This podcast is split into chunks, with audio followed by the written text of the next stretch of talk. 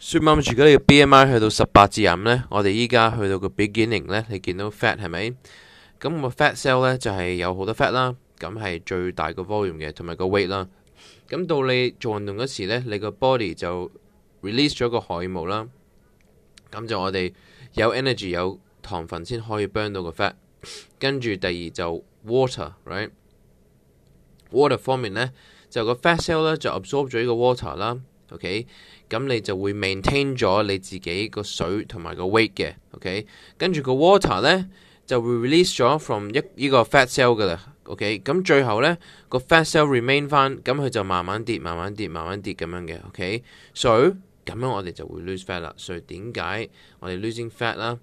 系咪？但系唔系 weight 咧，就依个原因嘅。OK，咁你可能诶 lose 紧一个诶好多 fat，但系你啊磅重都一样噶，系咪？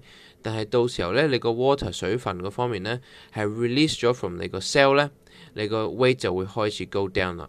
咁 weight loss 咧系通常当然啦系要慢慢嚟嘅。OK，所以我哋叫你饮多啲水，所以。burn 多啲 fat，點解呢？記得我哋做運動有有糖分先可以 burn 到個 fat 嘅，跟住最後你先會見到個效果嘅。咁記得孫媽 cm 喺 BMI 喺個範圍十八字係咪好重要嘅？cm 跌誒 cm 你個尺誒尺寸啦，有冇跌啦？上啦，ok 誒原後度身啦，影相全部呢啲好重要，脂肪有冇跌？呢啲好重要嘅。記得磅重咪咁重要，磅重點都會落嘅，但係需要時間喺個喺個範圍。ok